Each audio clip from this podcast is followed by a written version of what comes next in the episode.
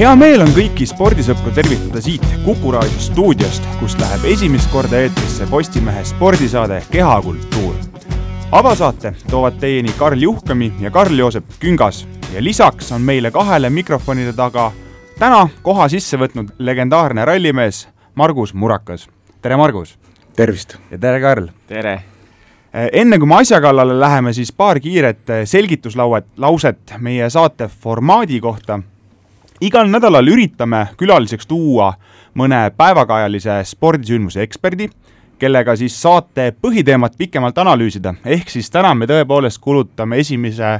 pool tundi selleks, et rääkida Monte Carlo rallist ja pärast lahkamegi siis läbi veel teisi uudiseid, millest lihtsalt tuleb rääkida, nii positiivseid kui ka negatiivseid, ehk tulevad kajastuse alla Anett Kontaveit, Kelly Sildaru ja loodetavasti veel ka vehklejad, laskesuusatajad ja kahjuks siis ka taevastele korvpalliplatsidele siirdunud Kobe Bryant. aga asja kallale, kaheksakümne kaheksas Monte Carlo ralli on nüüd ajalugu ja ajalooraamatutesse kirjutati võitjaks Thierry Neuvilli nimi. tahtmata ka kuidagi seda belglase triumfi alaväärtustada, siis meile pakub ikkagi huvi see, mis juhtus Ott Tänakuga ja see hirmus, hirmus avarii, mis nad reedesel võistluspäeval tegid ligikaudu sada kuuskümmend, sada seitsekümmend kilomeetrit tunnis. mina vaatasin seda otsepildis ja minul jäi süda seisma, ma ei tea, kuidas teie kahega nüüd oli.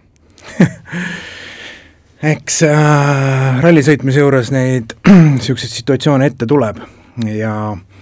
ja selline koht, kus see väljasõit toimus, oli selles mõttes nagu loogiline, et äh, Ott on ka ise kommenteerinud, et ju see on koht, kus on võimalik aega võita, kui sa lähed äh, midagi püüdma või midagi taga ajama, siis sellistes kiiretes kurvides on see võit kõige suurem tulema, mitte kõige lihtsam, aga on võimalik, kui see läheb õnneks. ja etteruttavalt äh, võib kohe öelda ka seda, et ega selle kohase kiire parem-vasak, mis seal, mis seal oli, ega see ju raadioste poolest oleks ta sellega selle hoo pealt äh, läbi sohverdanud, aga see tee ebatasasus, mida siis ka raja kirjutamise ajal ei märgatud, see nagu ka tagantvaatest oli näha, kui auto mingi põhjakaitse lööb ikka vastu maad ja sädemeid lendab, et selge see, et et seal läbilööke toimus ja seega autolt juhitavuse viis ja ta sõidujoones ei püsinud ja ja nii see puutu ja suunaline väljasõit ka toimus. jah, see oli ikka äärmiselt jõhker avarii, et mina enda vähese ralli kogemusega vaatajana, et ma pole isegi niisugust niisugust avariid veel näinud, et jah, see Terrine Villi avarii seal Tšiilis oli nagu ta oli, aga see Ott Tänaku pauk oli ikka kordades jõhkram, minu arust vähemalt. nojah, ta Terri pani mööda teed seal on ka oma spetsiifika, et, et autole kindlasti on raskem, kui sa rullud mööda kõvat pinda. noh, piltlikult öeldes siis, kui sa paned mööda kõrrepõldu, võib-olla siis sahid, sahistad suled sirgeks ja lähed jälle edasi. aga loomulikult, sa paned niimoodi, et äh, suurte kuuskedel ladvad kõiguvad või männid või mis iganes okaspuud seal äh, tee ääres olid ja see rullumine mäest alla võtab pikalt aega, vist neliteist sekundit vist oli see kogu yeah. see kamma ja kestis kokku ja ja, ja kui veel sõitjad ise on nii-öelda äh, veel teadvusel, et ei löö nagu pilti eest ära ja räägivad, noh, millal see jama nüüd otsa saab, et kas see vesi satub nüüd või ei satu ja arutavad seal teemas, et et ega see neliteist sekundit, ma kujutan ette, et äh, see tundub hull pikana. No sa, sa juba tõid mängu ka selle, et nii-öelda mehed jõudsid selle uperkuudi ajal analüüsida seda, et kust see jõesäng on, kas vesi tuleb, kas tõesti nagu sa oled ise ka paar ärevamat hetke elus üle elanud rallisõidu ajal, kas sa jõuad tõesti mõelda seda, et nüüd, kui ma tõesti vette maandun, noh, videost on näha, kuidas järveajal on käsi valmis turvavööd lahti tegema, siis kui tõesti tuleb see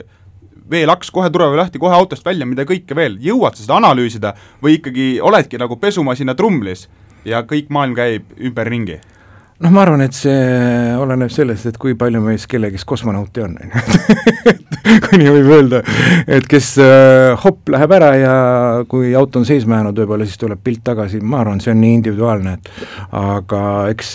eks, eks, eks võidusõitjatel on see on need refleksid ikkagi välja kujunenud ja kui sa oled analoogsetes olukordades olnud, et võib-olla siis oledki rohkem kosmonaut. ja üks asi, mida vist tuleb natukene äh,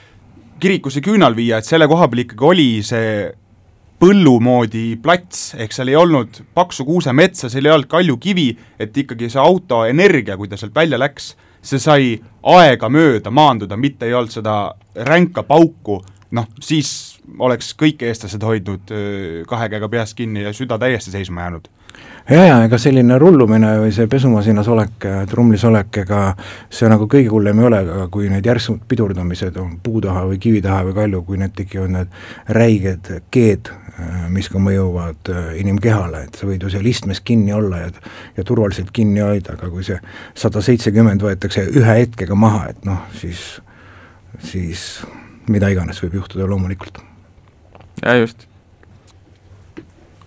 tuleb vist veel tegelikult ka natuke vastu lauda koputada, et jumal tänatud, et tänapäeva rallimasinad ja ka need turvapuurid on tehtud nii vingest materjalist. sest äh, minul puudub nüüd kogemus, aga kui sa mõtled tagasi ise, mis masinatega sa omal ajal alustasid,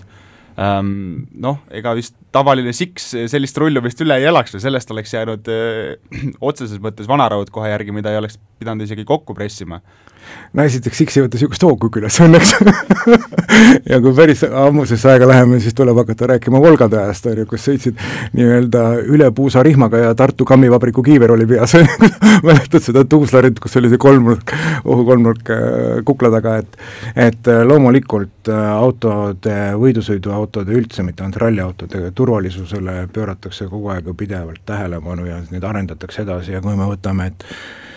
et kui ralliautos on ohutus, ohutuspuuri või karkassi, seal on kuuskümmend meetrit rohkemgi toru sees ja neid ju katsetatakse ja testitakse, et kuidas nad kõige efektiivsemalt ja optimaalsemalt töötavad ja kõik need turva, muud varustused, istmed, sõitjate, sõitjate kombed, kiivrid, kaelatoed, et need kõik ju seda eesmärki ikkagi teenivad, et oleks oleks, oleks sõitjate turvalisus maksimaalselt tagatud, väljasõite ikka juhtub ja jääbki juhtuma, see ongi võidusõit. aga ikkagi nii kaua, kui sõitjatel on ruumi, kus olla, et kui sa mahud sellesse nii-öelda kokku käkerdatud sigaretipakki ära, eks ju, kui nii võiks võrrelda, siis noh, siis noh, siis on ikka, ikkagi okei okay,, et noh, kui nüüd vaadata, millise hoo pealt ikkagi välja mindi ja okei okay,, ööl oldi küll haiglas arstide kontrolli all, aga noh, järgmine päev nagu poleks midagi olnud ja läheb jälle põhjagaasiga edasi, ega polegi muud jah, ega Järveoja vist ütles ka, et kael annab natukene tunda, aga muidu mehed nagu millegi üle ei kurtnud mm,. kas pärast sellist õnnetust on ikkagi rallisõitja jaoks kõige tähtsam võimalikult kiiresti tagasi masinasse saada, et sa ei jääks üle mõtlema, üle analüüsima neid olukordi, mida saanuks teha teisiti? jälle tohutult äh, individuaalne teema ja lähenemine, on ju, et, äh, et eks seda vist on öeldud ka, et see on Otil äh, kõige nii-öelda rängem või rajum või kuidas seda oleks iseloomustada väljasõitu. Roland Poom ütles kõige tummisem avarii no mida iganes jah, vaata üks asi on see, et kui sa paned sealt üle kuskilt nurgaga kolmanda või neljanda käiguga seal saja või saja kümne pealt ja ratas alt ära ja midagi sellist, et noh, noh, need ei olegi nagu niisuguse avarii või sellise avariiga võrreldes need ei olegi, ei olegi avariid või väljasõidud. aga ma arvan, et öö, äh, omast käest, äh, oma kogemuselt võin öelda, et siin on öö, võib-olla tegemist sellega, et see on nagu igasugune hirmu ületamise mehhanism, on ju, et kui sa enda jaoks,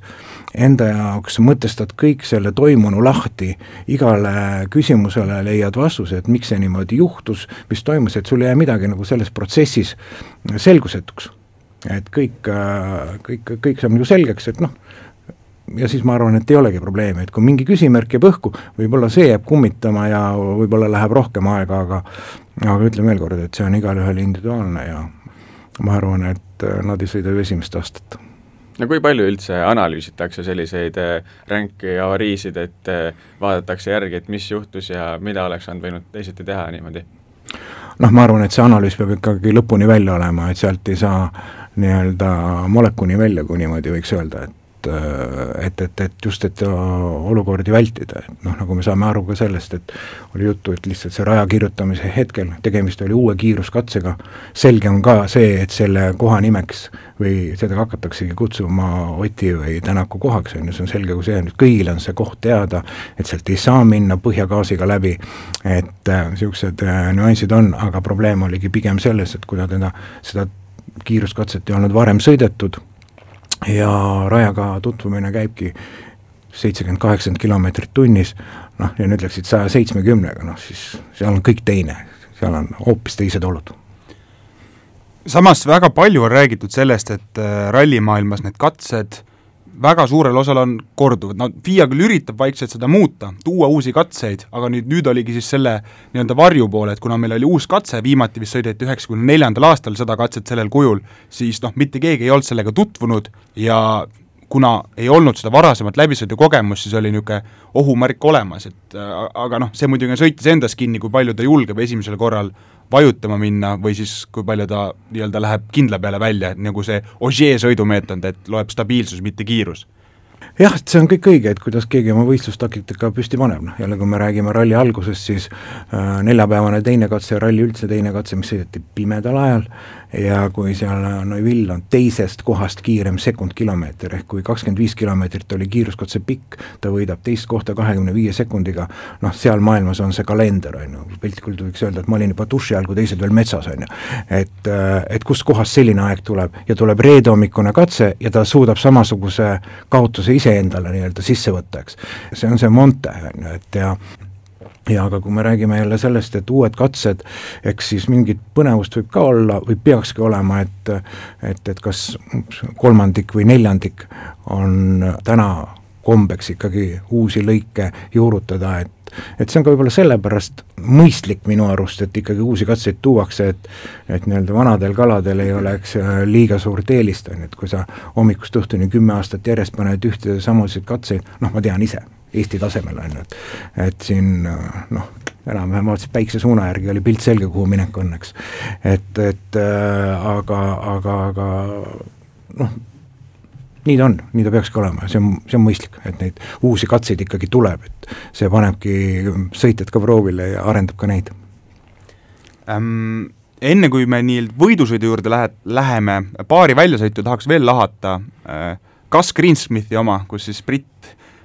jäises vasakkurvis, äh, kus Tänak ka pirueti tegi, kaotas masina üle kontrolli ja kuna all olid lamellid ja kurv oli sissepoole kaldega, siis ma arvan, et see oli WRC ajaloo üks äh, aeglasemaid väljasõite, kui ta umbes viis kilomeetrit tunnis lihtsalt jää pealt sinna kraavi libises ja mitte midagi ei olnud teha, et äh, kas sinul meenub äh,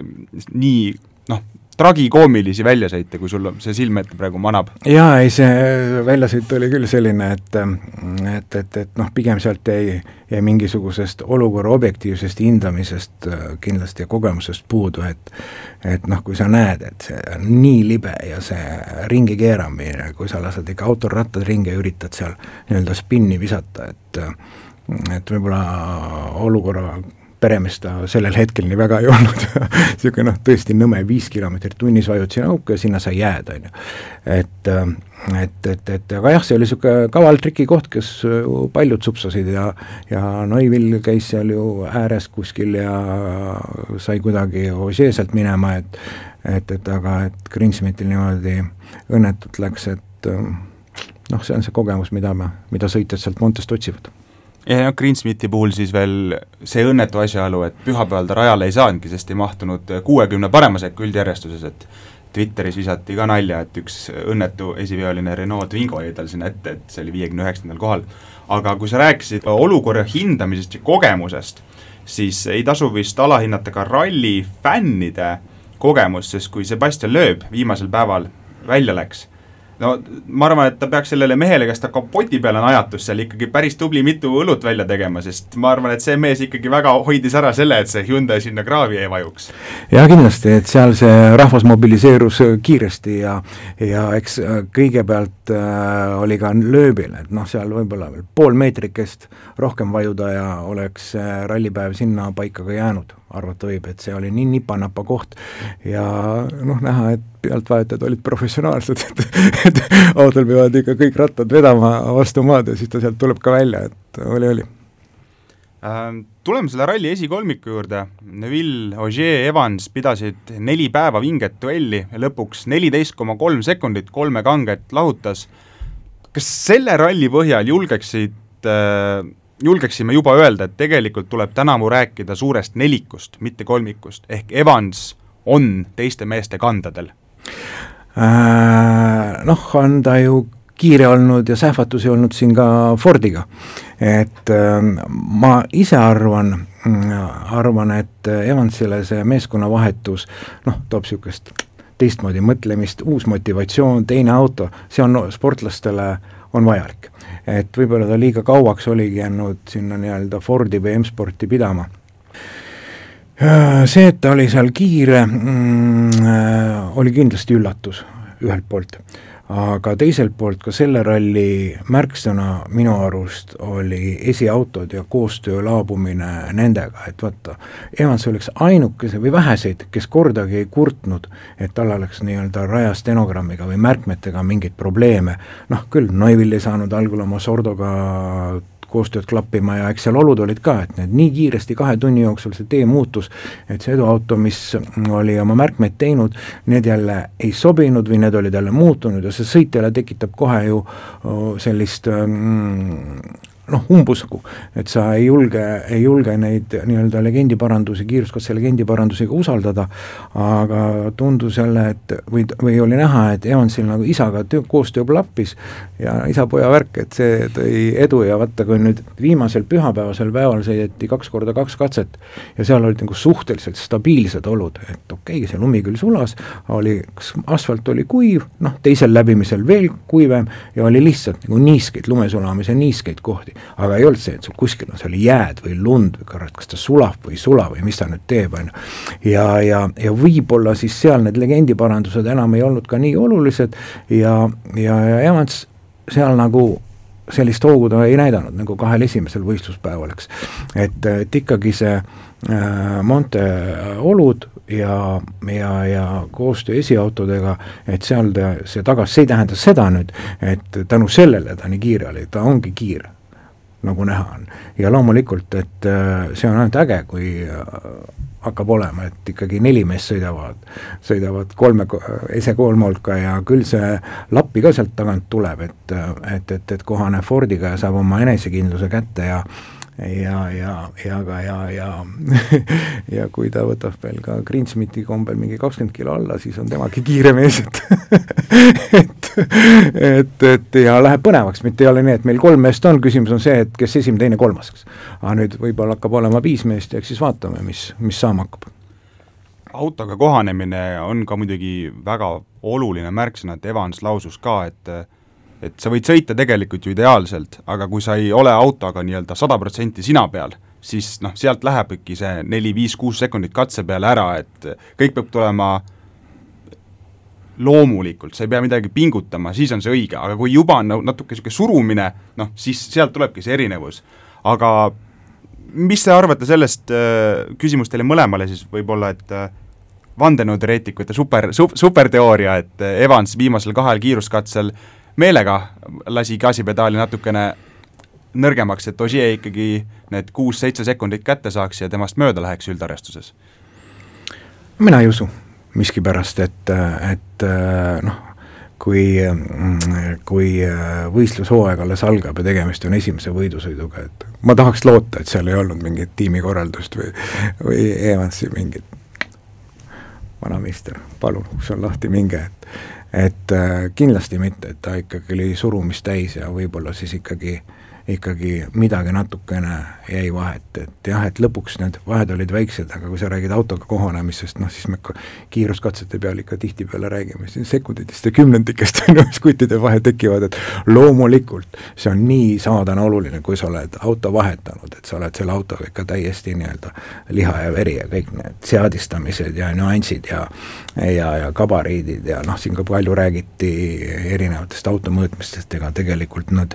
juhitavuse poole pealt ei ole see gabariit oluline, aga toodigi välja, et on äh, teljevahe, mis loomulikult teeb asja, asja hoopis teistmoodi käitumaks, et kui sa sõidad ikka pikema teljevahega autolt ja tuled lühema ehk nagu Toyota peale, et siis kindlasti seal on nüanss, et ühte autot saad kiiremini keerama, teine on jälle pikas kurvis stabiilsem, et need ongi eripärad, mida sa pead arvestama ja teadma ja, ja nii on.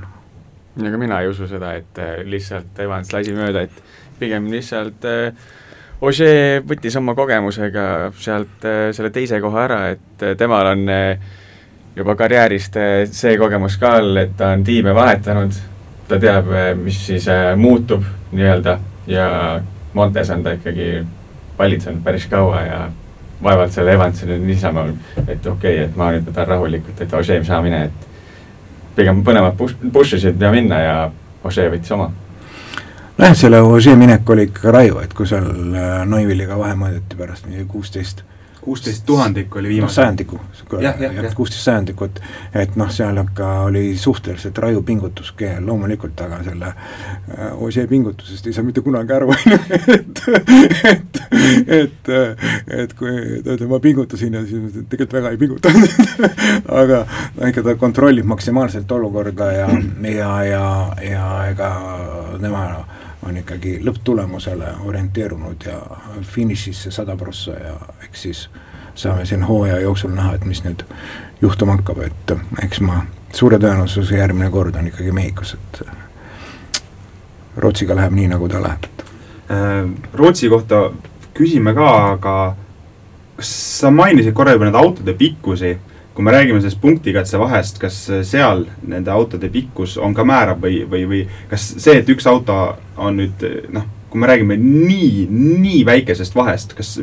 selline asi võib nagu reaalselt äh, maksusele saada, et üks auto lihtsalt äh, oma nii-öelda nina võrra jõudiski varem finišisse kohale ja sealt läks aeg kinni või kust aega üldse kinni pannakse, kas auto ninast, rattast äh,? tegelikult see on hea küsimus, ma ei oskagi sulle vastata. loogiliselt võiks olla transponder peal ja kuhu see on kinnitatud, eks. aga aga kui me räägime sõidust, äh, et, et, et kus kohas nüüd see, kus kohas nüüd see vahe tekib, et see ongi lihtsalt auto eripärad, et üks on võib-olla kiiremas kurvis, stabiilsem, teine on jälle vähe kitsamal teel, lihtsamini pöörama saadav, et see, see on selline kompromiss ja seda saavad ka sõitjad seadistusega muuta, et et, et, et ja, ja eks sõitjad ka teavad äh, oma auto eeliseid ja konkurentide vähem eeliseid ja nõrku kohti kas see Novilli trumf Montes võis olla ka natukene palsam ta hingele, et esiteks, kui me vaatame, et ta ei olnud Montes kunagi võitnud, eelmine aasta oli kaks koma kaks sekundit see, mis teda esikohast lahutama jäi, ja teiseks, mina ei kujuta ette, kuidas see tegelikult äh, mõjub, kui sa oled aastast aastasse tiitlikonkurentsis, MM-tiitli siis, ja sa jääd kogu aeg teiseks, sa jääd kogu aeg teiseks ja lõpuks, lõpuks, kui sa suudad oma igirivaalist üle alla, siis tuleb üks kärlakott ja lihtsalt kihutab sinust ikkagi mööda. see võib olla väga-väga ruineeriv, kui sa justkui teed enda silmis kõik ja sa nagu sellest oma põhirivaalist ikkagi saad jagu, aga siis ikkagi see ihaldatud tiitel, mida sa juba aastaid oled taga ajanud, ta on ju viis korda vist jäänud MM-sarjas teiseks. viis korda teine, jah. et äh, ma usun, et ta on psühholoogiliselt väga kõva mees, aga mina ei usu, et see üldse teda ei mõjuta. kõik on inimesed loomulikult, äh, kes kuidas aru saab, aga, aga ütleme see nii, et äh, noh, kui ta ei oleks Tšiilis ümber läinud, eelmine aasta, eks see olukord on ka, siis oleks hoopis teine olnud, et et aga spordimehena tuleb talle tõesti au anda, et kui sa oled sellises olukorras, et kust kohast sa leiad seda motivatsiooni, et viiel korral oled teine ja, ja kogu aeg nagu mingid, kogu aeg läheb nagu nipsakatega käest ära, et et aga aga nüüd see Monte võit mm, noh, võib-olla, võib-olla tema jaoks on see Monte võit samaväärne, äh, kui sa võidad prantslast kodus, prantslast kodus äh, mm, äh, Montes, Ogier, kes on seal viimased kuus korda äkki võitnud. jah, kuus oli noh, et äh, võib-olla tema tõmbab nagu mm äh, siin no võrgu, võrdusmärgi juba vaikselt vahele, et noh, hingepalsam, saad aru, mida ma mõtlen, on ju, et see on sama oluline, et ja võib-olla siit tuleb ka lisapower, lisaenesekindlus, vaata, rallisõit on, on piloodile ja kaardilugejale on ta on enesekindlusala, sul ei ole metsas kellegiga võrrelda.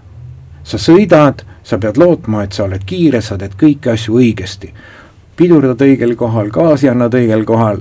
trajektoorid valid õigesti ja finišis selgub aeg, loomulikult me kõik tunneme nii-öelda tagumikku, kuidas katse välja tuli, kas ma tegin vigu või sõiduvigu ei tulnud. rinka peal on lihtne, punt läheb ees, ah, üks tegi sõiduvea, siit sahistan mööda, seal on see kiirem, kohe võrdled ennast teisega. hakkasin liiga hilja pidurdama, teine hakkas varem pidurdama, on kaasvõistlejaga sul nii-öelda tätš olemas ja saad võrrelda, aga metsa vahel võidusõitjad on üksi. ja selles mõttes see enesekindlus, et, et ma teen kõike õigesti ja, ja lähengi põhjagaasiga. Ja, ja see, need on hästi olulised äh, nüansid minu arust sellel alal, et äh, kindlasti see Monte võit äh, Neuvilli enesekindlust oluliselt upitas ja ja, ja, ja just see punktikatse-võit, et nii olematu küll, olematu vahega, aga ikkagi vahega. et noh, eks ega Ožee läks ka sinna ikkagi, ikkagi püüdma ja tegema, ta ei läinud sinna teiseks sõitma nagu ajast oli näha. ja kui sa need kõik asjad paned kokku, et siis nendest äh, sellest nii-öelda WRC pandest. Loomulikult äh, tema enesekindlus ja tema nii-öelda psühholoogiline valmidus, ükskõik mis, millal see järgmine võidusõit ka tuleb, et ta on, ma arvan, teistest ikka sammu jagu ees. Jah, seda oli tegelikult näha seal katse finišis juba, kui rahul Neville oli, et tõusis seal katusele ja ikka vehkis neid rusikaid minna nii, et vähe ei olnud ja pärast veel isegi pikk, pikkus pikaajalise auto peal, et no on vähe, näha oli, et mees oli nagu täielikult nüüd pingetest vabanenud ja et äh, hea olla no. jah, eks, jah, et eks ta seda mõtleski, et olge mehed ja püüdke kinni nüüd. ja noh, seda, mida see võit Hyundai jaoks tähendas, nägime me ka Andrea Adamo reaktsioonis, kui noh, ei juhtu just väga tihti, et see mees ei leia õigeid sõnu, aga tuleb välja, et on ikkagi võimalik. järgmine võidu kihit-, kihutamine peaks leidma aset kolmeteistkümnendast kuueteistkümnenda veebruarini Rootsis, kuid kuna sealmaal lumega praegu väga kiita ei ole, siis see ralli toimumine on suure küsimärgi all. Margus, äkki sa veidi seletad, miks on nii, et kui Rootsi kruusateedel praegu lund ei ole, siis miks seal ikkagi kihutada ei saa? ta on mõeldud äh, talveralliks, talverallil sõidetakse piikrehviga. Ja, ja, ja ei ole võimalik sõita, ei ole mõistlik sõita ja teid lõhkuda mm, äh, piikrehvidega kruusal. et äh, ühelt poolt on see teede olukord, neid teid on võimatu hiljem taastada ja seal on ka ohutuse küsimused, et, äh, et seal on nagu mitu nüanssi kokku, et et, et äh, kui ikkagi lund ja miinust ei ole ja teepõhjad on pehmed, siis nagu mõistlik enam võidusõitu pidada ei ole ja mis, mis ongi tegelikult mõistlik otsus. ehk siis tegelikult ongi lihtsalt see, et need teed küntakse liiga üles ja need nagu tavakasutajate jaoks hiljem lihtsalt ei ole enam noh, maakeeli läbitavad. just, freesitakse läbi. sinna jääbki lihtsalt kaks roobast, need lähevad nii sügavaks, kui autol on rattaraadiust piltlikult öeldes, on ju, ja kui see kõva teepind veel ära küntakse, sealt see kõva kruusakiht ja tuleb juba nii-öelda pinnas alt välja, noh siis teemeister peab hakkama uut teed ehitama ehk siis tegelikult see on seesama põhjus, miks ka Eestis praegu keegi väga pedaali vajutada ei saa, sellepärast et kuna talve pole olnud, siis pole ka meie teed hetkel kõlbulikud ja meilgi siin etapid järjest jäävad ära, et avaetapp lükati edasi vist, noh, okei okay,, Läti küll koos, aga jah, mõlemad, nii Aluksne kui Sarma, et Aluksne lükati edasi, Sarma kuupäeva veel ei teata, noh siin äh, kuhu sa enam lükkad, varsti on jälle jaanipäev käes, et ei ole lihtsalt kalendris ruumi enam, kuhu sa lükkad, kuigi äh, kui tähele panete, et siis meie talvekuud pikk äh,, kipuvad olema enam mitte detsember-jaanuar, aga pigem veebruar-märts, et siin võib veel kõike juhtuda, et et sõidame siin naistepäeval läkilekid peas ja viisteist kraadi külma, et saame näha jah, ma ise kipun ka seda arvama, et kusagil aprillikuus tuleb rahulikult paks lumevaip maha kaheks nädalaks ja siis kõik ahastame siin kahe käe, kahe käega peast kinni ehm, tegelikult Rootsi ralli peakorraldaja Glen Olson sõnas kodumaa meediale, et tema sisimas usub, et ralli toimub ja justkui arutatakse ka varianti, et sõitjad saaksid kasutada siis lisarehve, aga noh, need on kõik sellised spekulatsiooni tasandil ja midagi kindlat ei ole, et Äh, juba on ju ka jutud sellest, et Hyundai ja Toyota jätsid mõlemad oma talveralli testid ära, ehk siis äh, noh, ikkagi kõik panustavad sellele, et seda Rootsi rallit ei toimu, mis oleks muidugi väga kahju, sest Tšiili ralli meil on juba kavast lennanud ja kui Rootsis võidu ei kihutata, siis kuusteist, siis on, siis on rallisid on vähem ja tuleks oodata koguni vist kolmeteistkümnendat märtsi äkki, kui, kui Mehhiko ralli tuleb, et see oleks üüratult, üüratult pikk paus ja mis meie vaatevinklist siis kõige tähtsam on see, need on tegelikult ju rallid, kus Tänak saaks uue autoga kohaneda. Eks need kõik ja ütleme kindlasti Rootsi on ka selline võidusõit, äh, mis ka meie, meie esipaarile hästi sobiks, et et loomulikult pigem sellest on kahju, et et eks nad sellised erilised rallid on ju, ju need aasta alguse kolm kõik, et noh, Monte on nii, nagu ta on, oma vahelduvate väga keeruliste oludega, Rootsi ka täpselt, seal on ka stardijärjekord, ilmaolud muutuvad tohutult fortuunaks. Mehhiko sõidetakse jälle nii kõrgel merepinnast, et seal on ju äh, autodel hapnikupuudus ja, ja, ja seal nagu need mootorivõimsus ei tule esile ja aerodünaamiline survejõud ei ole selline, nagu ta võib-olla võiks või peaks olema ja ehk siis Portugal on selline esimene kõvade meeste kokkutuleku koht ütleme, et et, et aga noh, saame näha, kuidas, kuidas läheb ja mis muidugi Rootsi rallit veel, kui ta noh, mina sooviks, et ta toimuks. Ja, ja, ja ise ma arvan, et et, et seal oleks Kalle Rovampere olnud kindlasti see sõitja, kes loodetavasti ma loodan, oleks pakkunud samasuguse üllatuse nagu nüüd Elfin Montes, et mäletatavasti Kalle sõitis paar nädalat tagasi Äh, Soomes, Põhja-Soomes Arctic Rally ja kakssada kilomeetrit või natukene peale on juba kiiruskatseid ja üks võidusõit läbitud ja loomulikult ega ta seal kellegiga võitja ei olnud, või võistelda ei olnud, et ehk siis, et et seal oli Kalle juba duši all, kui teisel metsas või ehk tundras. ja põhjus, miks Rootsi ralli veel võiks toimuda, on see, et hea lähedal ikkagi Eesti rallisõbra jaoks või noh, kui võtta üldse ma-, rallide kontekstis ähm,, aitäh sulle, Margus, et sa meil tulid natukene Monte jutte rääkima, ralli jutte rääkima ja meie Karl-Joosepiga vaatame nüüd otsa ka nä-, möödunud nädala teistele spordisündmustele. jah, aitäh! aitäh! möödunud nädalal kõditasid siis väga-väga paljud spordisündmused meie hinge ja ütlen ausalt, ei teagi, kust alustada. kui tavalisel, tavalisel nädalal saaksid kindlasti ka eetriaegna Ragnar Klavani ja Kaljari vägiteod Itaalia kõrgliigas, kus siis viimati viigistati Milano Interiga, või siis iluuisutaja Eva-Lotta Kiibus, kes kordas EM-il Eesti läbi aegade parimat tulemust, kui ta tuli üksiksõidus seitsmendaks, siis eh, meie peame oma tagasivaadet alustama kõige viimastest sündmustest, mis lihtsalt ei taha öelda, et nüüd kuidagi üle trumpaksid neid eelnimetatut, aga mingi valik tuli langetada ja täna öösel jätkas Anett Kontaveit siis oma imelist teekonda Austraalia lahtistel, kui alistas neljandas ringis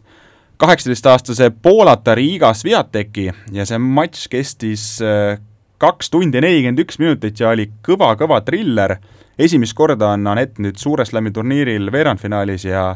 sina, Karl-Joosep, öösel punnis silmadega seda mängu vaatasid ja võib vist julgelt öelda, et see oli unetundide ohverdamist väärt jaa, just, et äh, mäng oli ikkagi väga kaasahaarav, see punktivahetused olid sellised, et panid ikkagi rahva ahhetama ja polnud midagi, et vahepeal oli üks, üks parem ajat, siis jälle teine ja nii see mäng nagu kulges,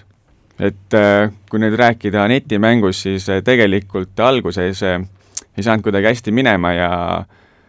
Anett ütles ka, et ta teadis, kuidas äh, vastane tema, tema vastu tuleb mängima et äh, ründab üle agressiivselt kohe Aneti pallingut, aga lihtne on äh, paberi peale vaadata, et kuidas ta mängib ja siis nagu väljaku peale lähed ja teeb hoopis äh, omad korrektuurid jälle. aga Anett jäi küll kaotusseisu kiiresti, tuli sellest auga välja, suutis esimese seti kiiresse lõppmängu viia, seal ka juhtis, aga siis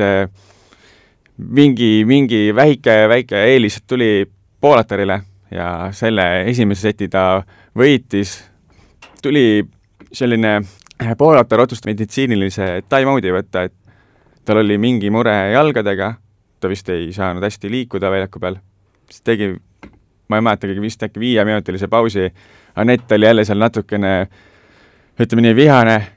niisugune sportlik viha tekkis tal, et ja ma arvan, et see ka tõi nagu edu, et äh, hoopis, hoopis teise hingamisega läks Anett äh, mängima. oli väga võrdne teine sett, aga seal väiksed detailid ikkagi langesid äh, eestlanna kasuks ja seitse-viis võidu ta sellest sai.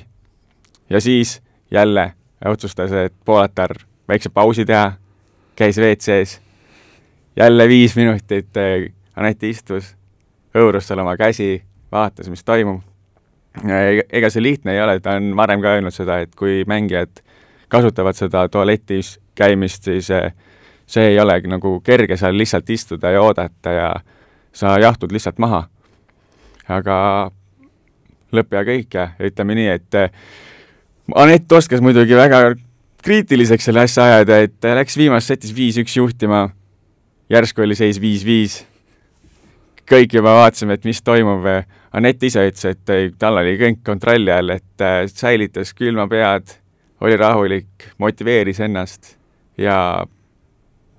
tuli auga välja ja nüüd on siis veerandfinaal. kusjuures see sportlik viha tundub olevat niisugune eestlast, Eesti sportlaste läbiv võtmesõna, et kui meenutada, kuidas Magnus Kirt Eesti odaviskerekordi tegi, siis samamoodi kohtunikud hoidsid teda seal viis või, või, või kuus minutit kinni, enne kui ta, kui ta reaalselt viskama sai lõpuks hakata, tähendab, see on nüüd siis eelmine rekord juba, ta ju viskas kaks korda üle üheksakümne meetri, aga, aga sealgi samamoodi ju ei saanud kohe visata, sest kohtunikud tulid oma punase lipuga ette, sest jooksjad seal. Tegid omi asju, aga sa ei saa käima nagu ennast, et et peab mingi mingi kõrvaline asi tulema ja sind nagu närvi ajama lihtsalt ja siis äh, tuleb asjad võib-olla paremini välja mõnikord. no vot, ja Anetil tulid asjad siis nii hästi välja, et äh, karjääri jooksul esimest korda Suure Slami turniiril veerandfinaalis, Kaia Kanepi sinna omal ajal kuus korda jõudis, aga selle veerandfinaali koha puhul on veel väärtuslikum vähemalt minu jaoks see, et äh, milliseks Aneti eelmise aasta lõpp kujunes, see oli ju noh, väikest viisi krahh, et tal see vigastus peale tuli US Openil, seal ta enda turniiri lõpuni mängida ei saanud ja pärast seda kogu hooaja lõpp läks pekki, et äh, jah, tuli operatsioonil käia ja nii ta läks ja eks Anett oli ise ka rusutud, sellepärast et äh, ta vorm oli ikkagi väga hea. Äh, ma arvan, et seal USA lahtistel oleks ka võib-olla see veerandfinaali koht juba tulnud, seal ta kolmandas ringis oleks ka kohtunud Belinda Bencic'iga no, kellega Austraalias juba kohtus ütleme nii, et hävitas kuus-null, kuus-üks, et äh, mine sa tea, mis seal oleks juhtunud, aga täna on juba uus päev ja uued vastased, et jah, et äh, nüüd on muidugi väga-väga karm äh, pähkel närida, et Simona Halep, maailma kolmas reket, seal midagi lihtsalt ei ole. Anett äh, ütles ka, et mängija, väga raske mängija, kellega vastu mängida, et mängib kaitsest lähtuvalt, jookseb palju, toob palle ära, ja ründab äh, väga nagu imelikest olukordadest nii-öelda, et äh, Anett võib küll suruda, aga järsku ühe, ühe löögiga muudab lihtsalt mängukäiku nii palju, et äh, toobki endale punktid.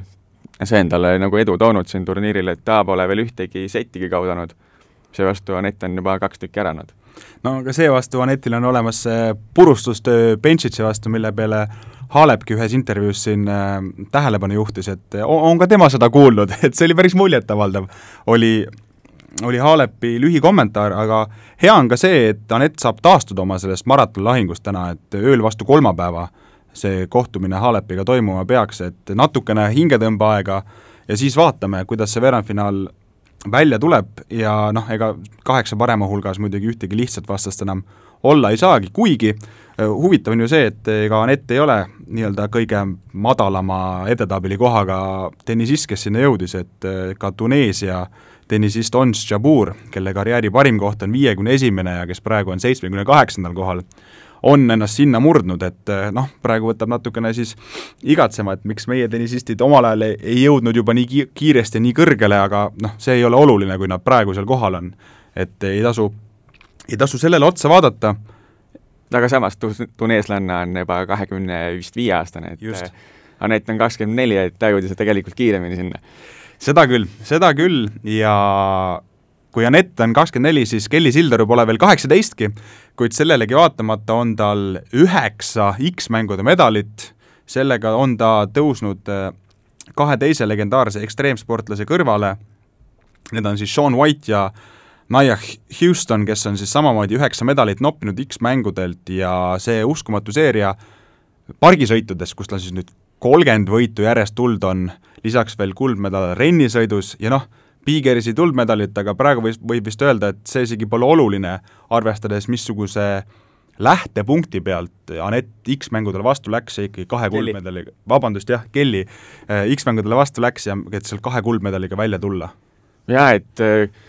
eelmine aasta siis tuli täiskomplektiga, et äh, nii kuld, hõbe kui ka pronksiga sealt tagasi, et nüüd siis kaks kulda. jäi küll ühest medalist ilma, aga jah, ma usun, et äh, väga kurb just ei saa olla, et kaks kuldmedalit ikkagi on väga-väga suur asi. eriti, kui see rennisõidu kuldmedal tuli just tema jaoks, endagi jaoks ootamatult, et päris jabur situatsioon oli, kui ta ise kirjeldas seda, et lõpetas ilusasti oma viimase run'i ära ja siis oli tabloost nii kaugel, et ei näinud välja suumida, mis koha peal ta paikneb ja sai nii-öelda kulvedele võidust teada alles siis, kui see talle kaela riputati, et kõlab veidikene selline Benny Hilli sketš, aga noh. jah, see on see uus süsteem, et see muudab tegelikult nagu seda sporti ka, et sa ei pea jälgima kogu aeg enda seda tulemust, et teed oma etteasjad ära nii, kui hästi kui suudad ja kohtunikud siis annavad eh, hinded selle, selle puhul nagu. jah, see uus süsteem on siis selline, et kui vanasti iga run'i järel said nad oma kohtunike poolt avalikud punktisummat, siis nüüd hinnatakse kolme või nelja või noh, rennisõidu puhul siis oli kolmekümneminutiline ajatsükkel, kogu tervikut, et äh, tegemist on niigi alaga, mis eestlastele kõige rohkem tuttavam ei ole, nüüd hakatakse ka siin väga olulisi asju muutma, et kindlasti Eestis, Eesti spordisõprade jaoks vajab natukene harjumist, aga Kelly ise justkui ütles, et talle see formaat meeldib, et lisab sellist vabadust juurde, et sa ei ole nii kinni sellises ühes ma pean õnnestuma või siis vastupidiselt, ühes mul kogemata tuli välja, vaid hinnataksegi üldterviklikku, kui stabiilne sa oled ühe võistluse kontekstis. jah, seal enamasti on niimoodi, et eh, varem oli siis, et eh, sa tegid eh, kolm ühesugust sõitu ja proovisid lihtsalt lihvida seda, aga nüüd sa saad lisada sinna trikke, mida iganes, et see annab jah, nagu vabadust sportlasele siis, et saab varieerida enda sõite samas, kellele annab vabadust, kellele mitte, et hõbemedalist Karker ütles ju äh, võrdlemisi üllatavalt isegi minu jaoks, et ta oli üsna närviline võistluse eel, kuna ta pidi kokku panema mitu kava. ehk siis kui Kelly on nüüd, saab südarahulikult lihtsalt minna lustima ja näidata, mida kõike ta on õppinud, siis teiste jaoks võib-olla ongi selline, on keskendunud siiamaani ühe-kahe triki lihvimisele, et eks näis, äkki see, see reeglimuudatus tuleb kasuks Kellile, kui mõtleme, milliseks tema hooaja ettevalmistus ja, ja treeningud on läinud, et see vana põhi, mille ta on nii-öelda lapsena alla ladunud, see hetkel mängib trumpe väga palju tema kasuks. jah, tal on nii lai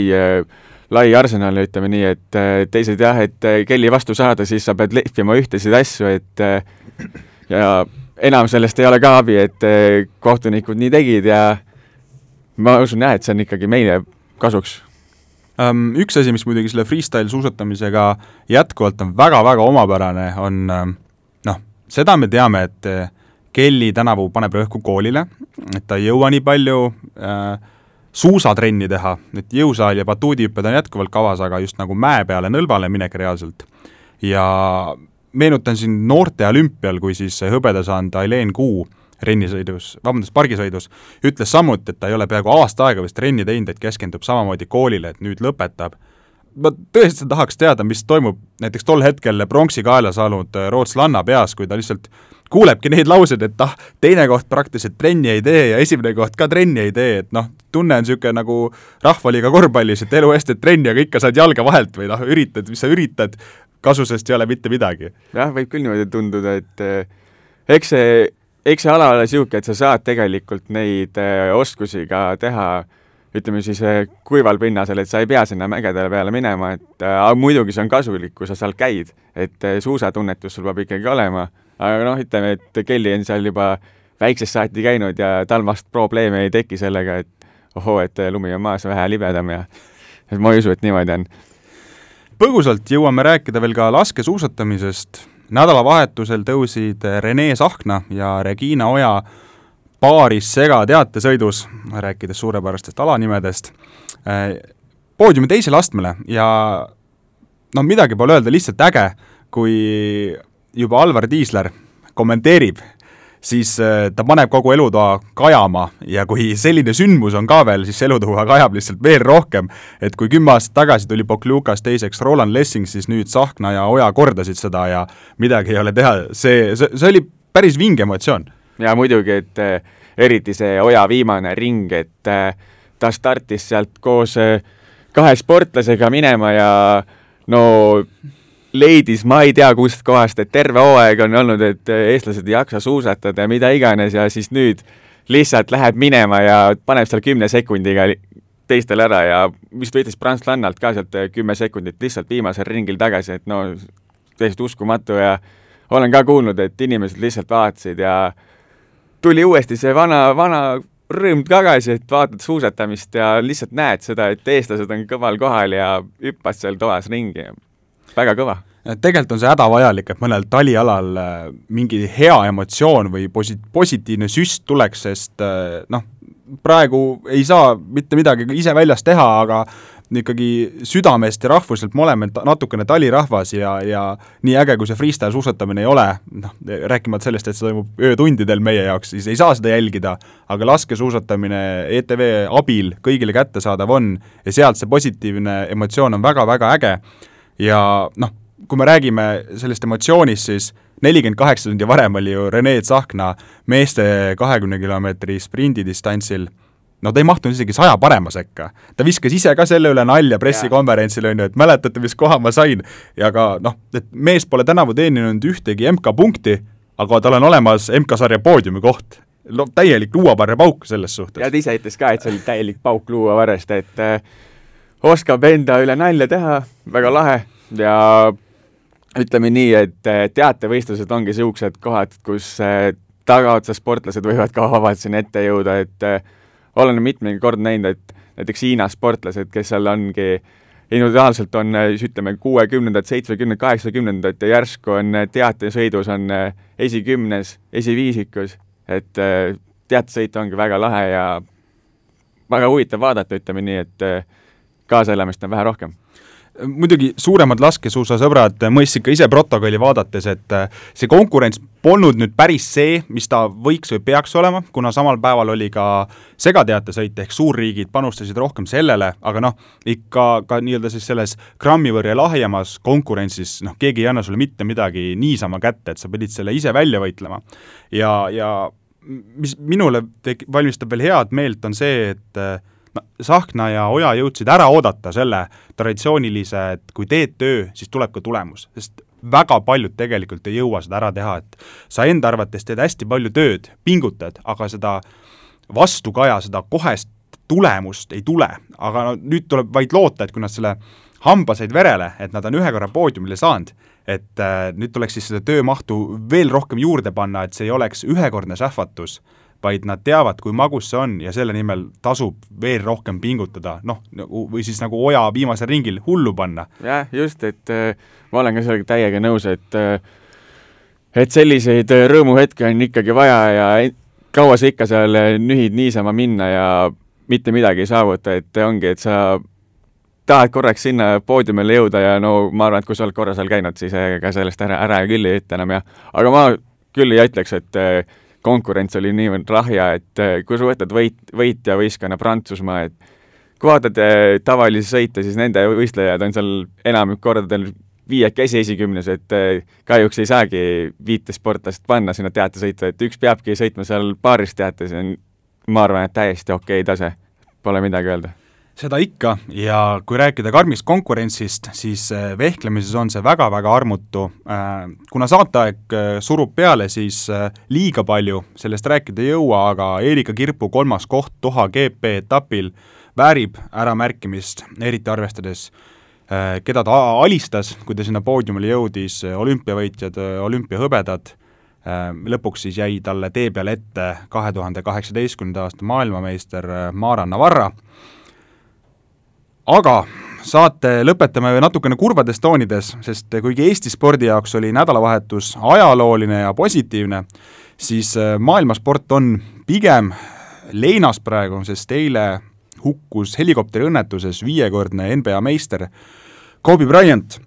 Ja kui see uudis juba iseenesest ei olnud piisavalt tahastama panev, siis tegelikult seal kopteriõnnetuses hukkus ju kokku üheksa inimest ja nende hulgas ka Kobe kolmeteistaastane tütar et äh, väga, väga šokeeriv uudis pühapäeva õhtusse. ütlen, et kui ma seda uudist nägin äh, tuli hingelise Kobe Bryanti fännina, siis äh, ütleme nii, et äh, ma ei saanud midagi teha, mul tuli pisar silma. mõtted olid täiesti mujal, sest ma tean ise ka, et äh, Kobe oli mees, kes käis enda mängudel, ka mäng, mängija karjääris äh, helikopteriga rahulikult, ta on ju aastaid seda kasutanud ja mitte midagi polnud juhtunud. ja siis ühtäkki lihtsalt kõik. ja see, see teeb ka nagu veits kurvaks, et, et mees äh, just õnnitles Lebron Jamesi et äh, kes läks temast punktitabelis mööda, ütles, et äh, pane edasi, et äh, sa oled nagu teistele eeskujuks ja siis lennukis siis Lebron James sai teada, et mis oli juhtunud, mees oli täiesti löödud ja ütleme nii, et Kobe Bryant ei ole nagu ainult spordi, tähendab korvpalliinimestele siis nagu tähtis, et ta on ka nagu laiemalt, ta ongi spordiikoon, teda teatakse üle maailma, ta on nagu teinud väga palju just äh, naiste spordi jaoks, et äh, populariseerinud siis äh, naiste korvpalli äh, siis äh, WNBA, NBA-d, et siis naiste NBA liigat, et seal oleksid äh, võrdsemad seisud äh, meestega, et äh, tema suur roll oli ka selles, et seal kehtestatakse siis palgalimiit, et mängijad teeniksid teatud hulga palka, et neid väärtustataks. ja see oli tõesti väga-väga kurb. ja spordimaailm on täiesti löödud, ütleme, mängijad tegelikult eile NBA-s, nad ei tahtnud sinna väljakule minna. mitte üks mees ei tahtnud sinna minna, seepärast et äh, vähemal, vähemal või suuremal määral oli neil ikkagi see kokkupuude äh, Kobe'ga olemas. Ja mm, ütleme siis, et äh, parimad sõbrad tal, kes tal karjääris olid, need olid ikkagi täiesti, täiesti murtud, et Dwayne Wade näiteks, korvpalliikoon, ütles, kolm minutit lihtsalt rääkis ja pisarad silmas, et kui, kui tähtis oli tema jaoks Kobe ja et see on tema elu siis eh, kõige hullem sündmus, mis on üldse kunagi juhtunud. ja nõnda otsustas eh, näiteks Dallas Mavericks, mis on eh, Kobe Bryanti siis igipõline rivaal olnud, et nende, nende võistkonnas ei kanna enam mitte kunagi mitte keegi number kahtekümmend nelja, ehk siis Kobe Bryanti teist numbrit, et ta kandis nii kaheksat kümme aastat kui ka kahtekümmend nelja kümme aastat et äh, nõnda ta oli ja neid äh, austajaid olid äh, väga palju, et ka korvpallimängudes tehti siis austusavaldus, et lasti esimesed kakskümmend neli sekundit lihtsalt minna ja mõeldi natukene Kobe Bryantile ja siis nii-öelda, et kui tähtis on ikkagi elu, et tulemused ei mängi mingit rolli. seal eile ka öeldi, et me mängisime mängu me ei tahtnud mängida.